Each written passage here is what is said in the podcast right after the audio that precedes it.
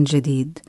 لو أخذنا وقت قصير لحظات فقط لمراجعة يومنا لوجدنا أننا قمنا بمهام عديدة وتفقدنا أعمالنا وأتممنا اتصالاتنا وأشغلنا فكرنا بأمور متلاحقة لا تنتهي من تخطيط وترتيب وتنفيذ.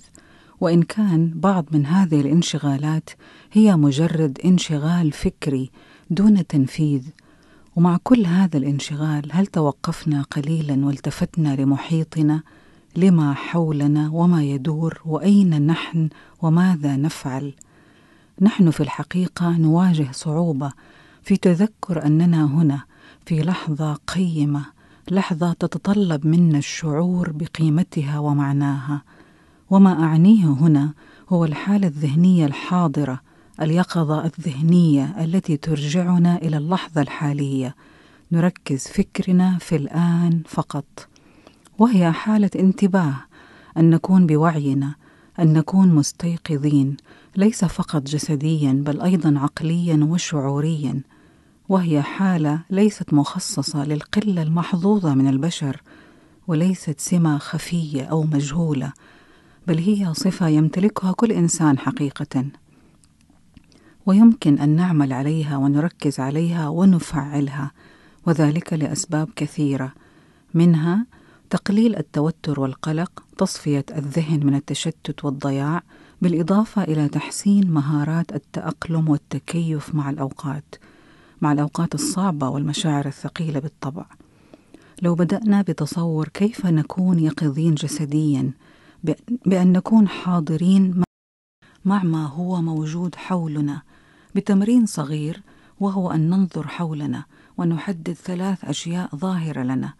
ثلاث أشياء نراها ونسميها ونركز عليها دون حكم أو تفكير نراقبها لنقيس مدى انتباهنا يعني انتباه وتركيز دون تفاعل. ولو أخذنا الانتباه الشعوري كيف نتصوره؟ نتصوره من خلال تمرين آخر. نأخذ لحظة هدوء مع أنفسنا في لحظة الآن ونحدد ثلاث أشياء نشعر بها حاليا. ما هي حالة الشعور التي نعيشها؟ أول ما يتبادر إلى ذهننا من حالة عاطفية نمر بها الآن دون تركيز ودون إدخال أحداث حصلت أو قد تحصل. فقط شعورنا في هذه اللحظة. أيضا دون حكم ودون تفاعل. فقط تسمية الشعور ومراقبته. هذه تمارين للمراقبة وتفعيل الحضور الذهني. ومن الممكن أن نمارس أي طريقة إن كانت هذه التمارين لا تناسبنا. نختار أي طريقة مناسبة لنا ومن الممكن دمجها ضمن روتين حياتنا اليومية لدقائق معدودة. مثلا بكل بساطة عند غسل اليدين ممكن أن نفعل الحضور والمراقبة بأن نركز على تأثير هذه التجربة على حواسنا بأن نستشعر مرور الماء على اليدين وشكل فقاعات الصابون والرائحة وهكذا.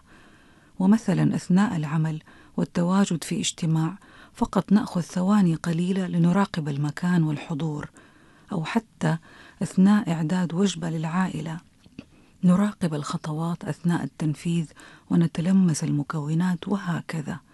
هي طريقة لإعادة الاتصال لحظة بلحظة وهي وسيلة لها تأثير على شعورنا بالهدوء وتقليل التفكير والقلق. وقد تكون دقائق في بداية اليوم ومن الممكن أن تمتد معنا لكل اليوم. وبذلك ستعتاد أجسامنا على التعامل مع التوتر فيتغير نشاط الدماغ بتنظيم نقطة التركيز لا خلف ولا أمام وكأننا نضبط الدماغ على وضعية اسمها الآن. لنخرج من مأزق التفكير الزائد ونعيش الآن لحظة بلحظة إنه استدعاء لليقظة عند الحاجة. سأقول لك سرا مركز الزمن هو الآن هو دائما هذه اللحظة. فلنعطي كل لحظة الحياة التي هي فيها حتى نصل لسلام لسلام عميق يكمن في الأساس في الداخل. شكرا لكم.